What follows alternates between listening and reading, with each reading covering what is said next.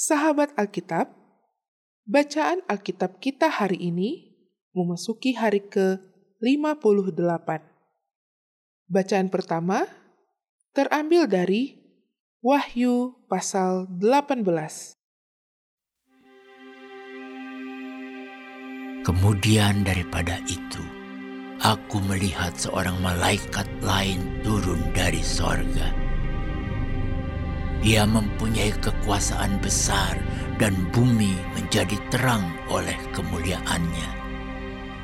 Dan ia berseru dengan suara yang kuat, katanya, Sudah rubuh sudah rubuh Babel kota besar itu. Dan ia telah menjadi tempat kediaman roh-roh jahat. Dan tempat bersembunyi semua roh najis. Dan tempat bersembunyi segala burung yang najis dan yang dibenci. Karena semua bangsa telah minum dari anggur hawa nafsu cabulnya. Dan raja-raja di bumi telah berbuat cabul dengan dia. Dan pedagang-pedagang di bumi telah menjadi kaya oleh kelimpahan hawa nafsunya. Lalu aku mendengar suara lain dari sorga berkata, Pergilah kamu, hai umatku, pergilah daripadanya, supaya kamu jangan mengambil bagian dalam dosa-dosanya, dan supaya kamu jangan turut ditimpa malapetaka-malapetakanya. Sebab dosa-dosanya telah bertimbun-timbun sampai ke langit, dan Allah telah mengingat segala kejahatannya. Balaskanlah kepadanya, sama seperti dia juga membalaskan.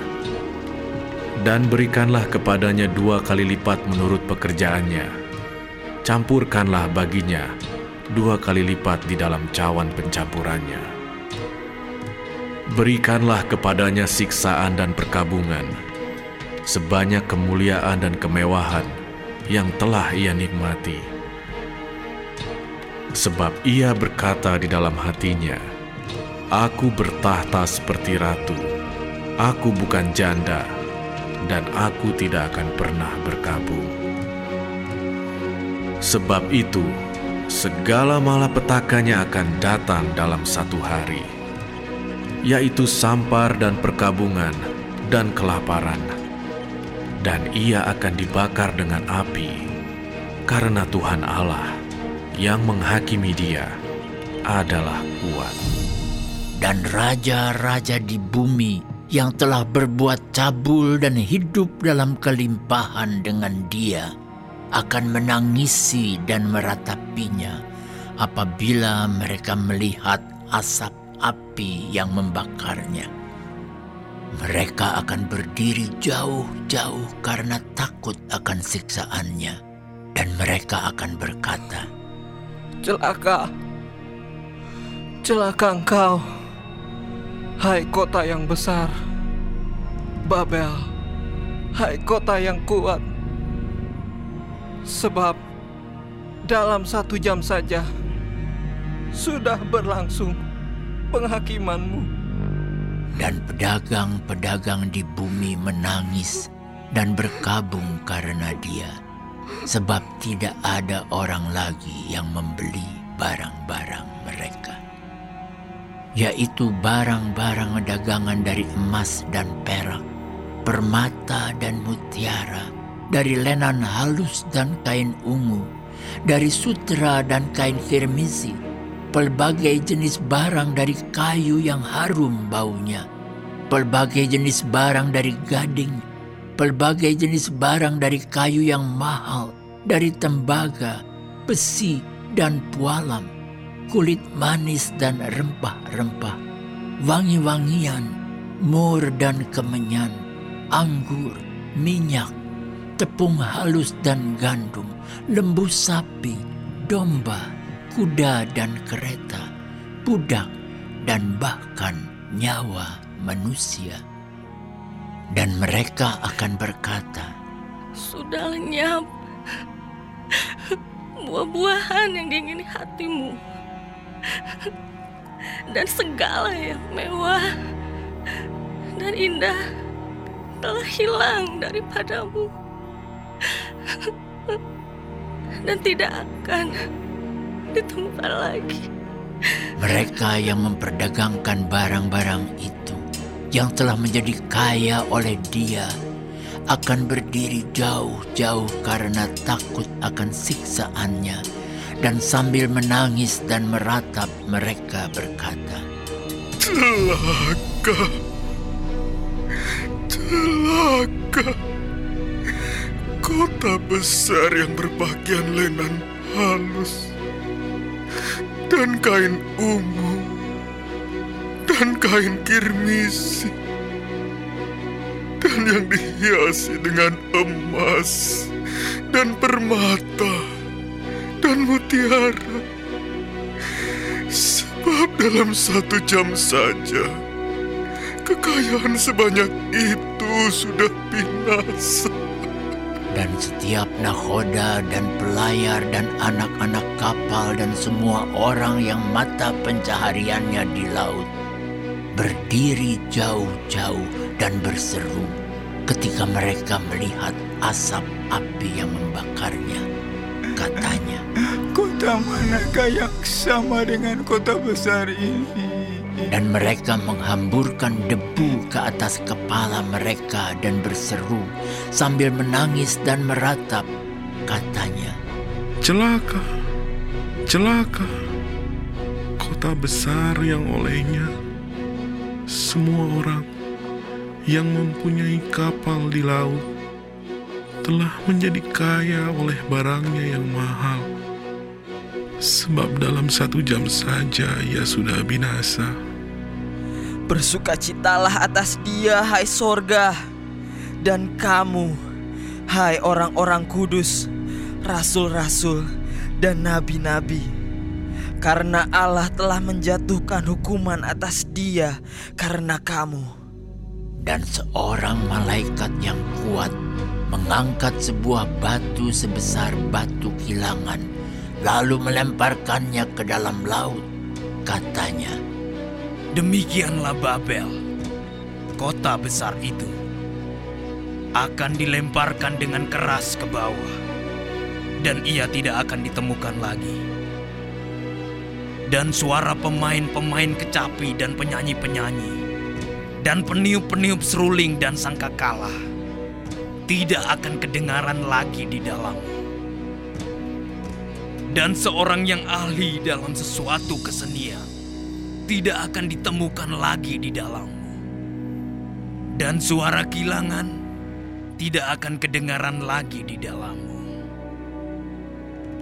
Dan cahaya lampu tidak akan bersinar lagi di dalammu. Dan suara mempelai laki-laki dan pengantin perempuan tidak akan kedengaran lagi di dalammu. Karena pedagang-pedagangmu adalah pembesar-pembesar di bumi oleh ilmu sihirmu, semua bangsa disesatkan. dan di dalamnya terdapat darah nabi-nabi dan orang-orang kudus dan darah semua orang yang dibunuh di bumi.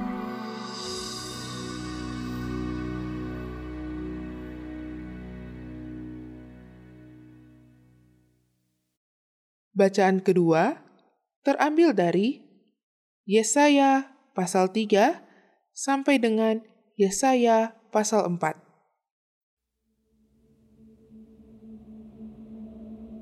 Maka sesungguhnya Tuhan, Tuhan semesta alam, akan menjauhkan dari Yerusalem dan dari Yehuda setiap orang yang mereka andalkan, segala persediaan makanan dan minuman. Pahlawan dan orang perang, hakim dan nabi, petenung dan tua-tua perwira dan orang yang terpandang, penasihat dan ahli sihir, dan orang yang paham mantra. Aku akan mengangkat pemuda-pemuda menjadi pemimpin mereka, dan anak-anak akan memerintah atas mereka. Maka bangsa itu akan desak-mendesak seorang kepada seorang, yang satu kepada yang lain. Orang muda akan membentak-bentak terhadap orang tua, orang hina terhadap orang mulia. Sehingga apabila seorang memegang saudaranya di rumah ayahnya dan berkata, Engkau masih mempunyai jubah, jadilah pemimpin kami, dan runtuhan ini di bawah kuasamu. Maka pada waktu itu saudaranya akan menjawab, Aku tidak mau menjadi tabib. Di rumahku tidak ada roti, dan tidak ada jubah Janganlah angkat aku menjadi pemimpin bangsa. Sungguh, Yerusalem telah runtuh dan Yehuda telah rubuh. Sebab perkataan mereka dan perbuatan mereka melawan Tuhan dan mereka menantang kemuliaan hadiratnya air muka mereka menyatakan kejahatan mereka, dan seperti orang Sodom, mereka terang-terangan menyebut-nyebut dosanya, tidak lagi disembunyikannya. Celakalah orang-orang itu, sebab mereka mendatangkan malapetaka kepada dirinya sendiri Katakanlah, berbahagia orang benar, sebab mereka akan memakan hasil pekerjaannya. Celakalah orang fasik, malapetaka akan menimpanya, sebab mereka akan diperlakukan menurut perbuatannya sendiri. Adapun umatku, Penguasa mereka ialah anak-anak, dan perempuan-perempuan memerintah atasnya. Hai umatku, pemimpin-pemimpinmu adalah penyesat, dan jalan yang kamu tempuh mereka kacaukan. Tuhan mengambil tempat untuk menuntut dan berdiri untuk mengadili bangsa-bangsa. Tuhan bertindak sebagai hakim atas tua-tua dan pemimpin-pemimpin umatnya. Kamulah yang memusnahkan kebun anggur itu. Barang rampasan dari orang yang tertindas tertumpuk di dalam rumahmu. Mengapa kamu menyiksa umatku dan menganiaya orang-orang yang tertindas? Demikianlah firman Tuhan Allah semesta alam. Tuhan berfirman, Oleh karena wanita Sion telah menjadi sombong dan telah berjalan dengan jenjang leher dan dengan main mata, berjalan dengan dibuat-buat langkahnya, dan gemerincing dengan giring-giring kakinya. Maka Tuhan akan membuat batu kepala wanita Sion penuh kudis. Dan Tuhan akan mencukur rambut sebelah dahi mereka. Pada waktu itu Tuhan akan menjauhkan segala perhiasan mereka. Gelang-gelang kaki, jamang-jamang dan bulan-bulanan perhiasan-perhiasan telinga, pontoh-pontoh, dan kerudung-kerudung. Perhiasan-perhiasan kepala, gelang-gelang rantai kaki, tali-tali pinggang, tempat-tempat wewangian, dan jimat-jimat. Cincin meterai dan anting-anting hidung. Pakaian-pakaian pesta, jubah-jubah, selendang-selendang dan pundi-pundi. Cermin-cermin, baju-baju dalam dari kain lenan, ikat-ikat kepala, dan baju-baju luar. Maka sebagai ganti rempah-rempah harum akan ada bau busuk. Sebagai ganti ikat pinggang seutas tali. Sebagai ganti selampit rambut kepala yang gundul. Sebagai ganti pakaian hari raya sehelai kain kabung. Dan tanda selar sebagai ganti kemolekan. Orang-orangmu akan tewas oleh pedang, dan pahlawan-pahlawanmu oleh perang. Pintu-pintu gerbang Sion akan mengadu dan bergabung, dan kota itu akan seperti perempuan bulus yang duduk di bumi.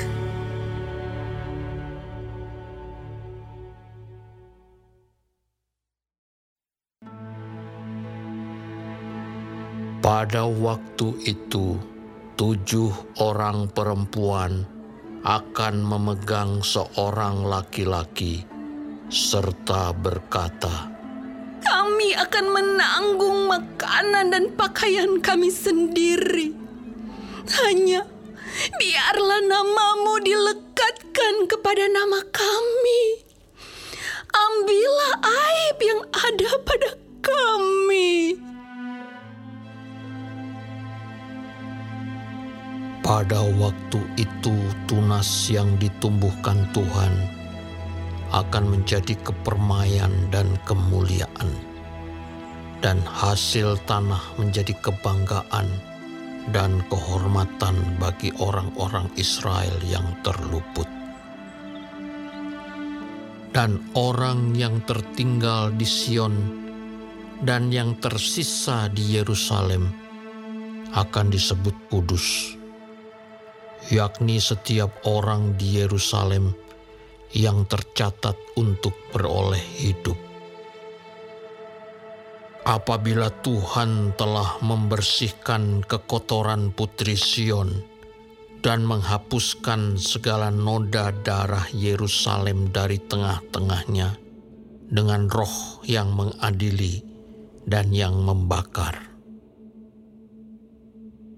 Maka Tuhan akan menjadikan di atas seluruh wilayah Gunung Sion dan di atas setiap pertemuan yang diadakan di situ segumpal awan pada waktu siang dan segumpal asap serta sinar api yang menyala-nyala pada waktu malam.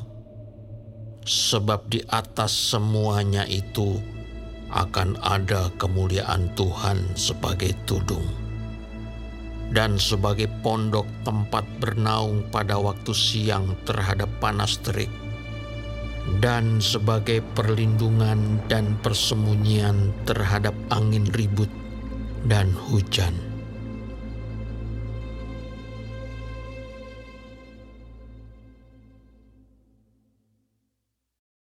Bacaan ketiga terambil dari Mazmur pasal 109 ayat 1 sampai dengan ayat 19. Untuk pemimpin biduan, Mazmur Daud. Ya Allah pujianku, janganlah berdiam diri. Sebab mulut orang fasik dan mulut penipu terenganga terhadap aku. Mereka berbicara terhadap aku dengan lidah dusta. Dengan kata-kata kebencian, mereka menyerang aku dan memerangi aku tanpa alasan.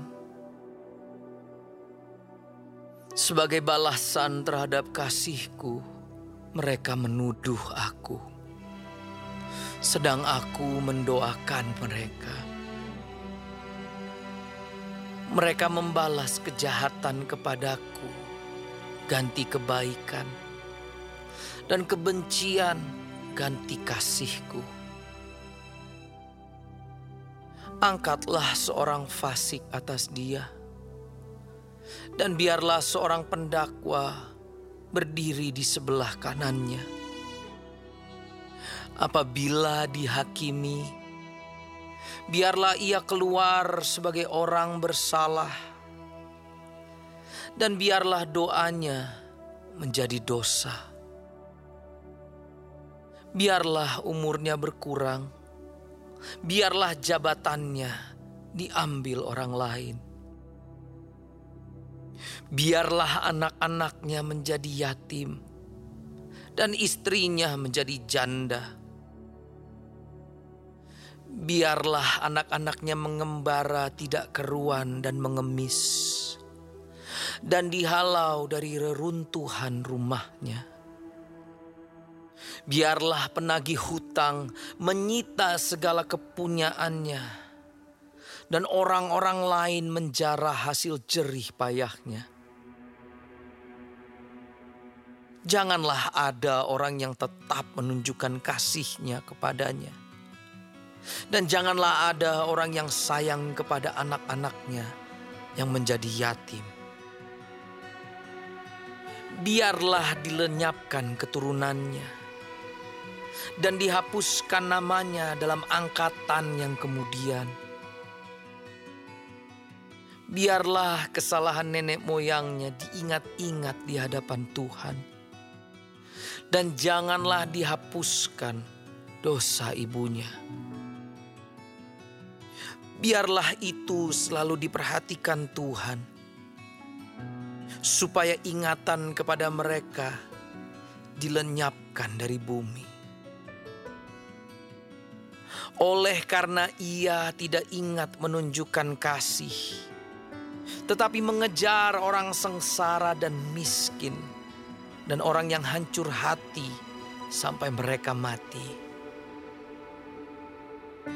Ia cinta kepada kutuk, biarlah itu datang kepadanya.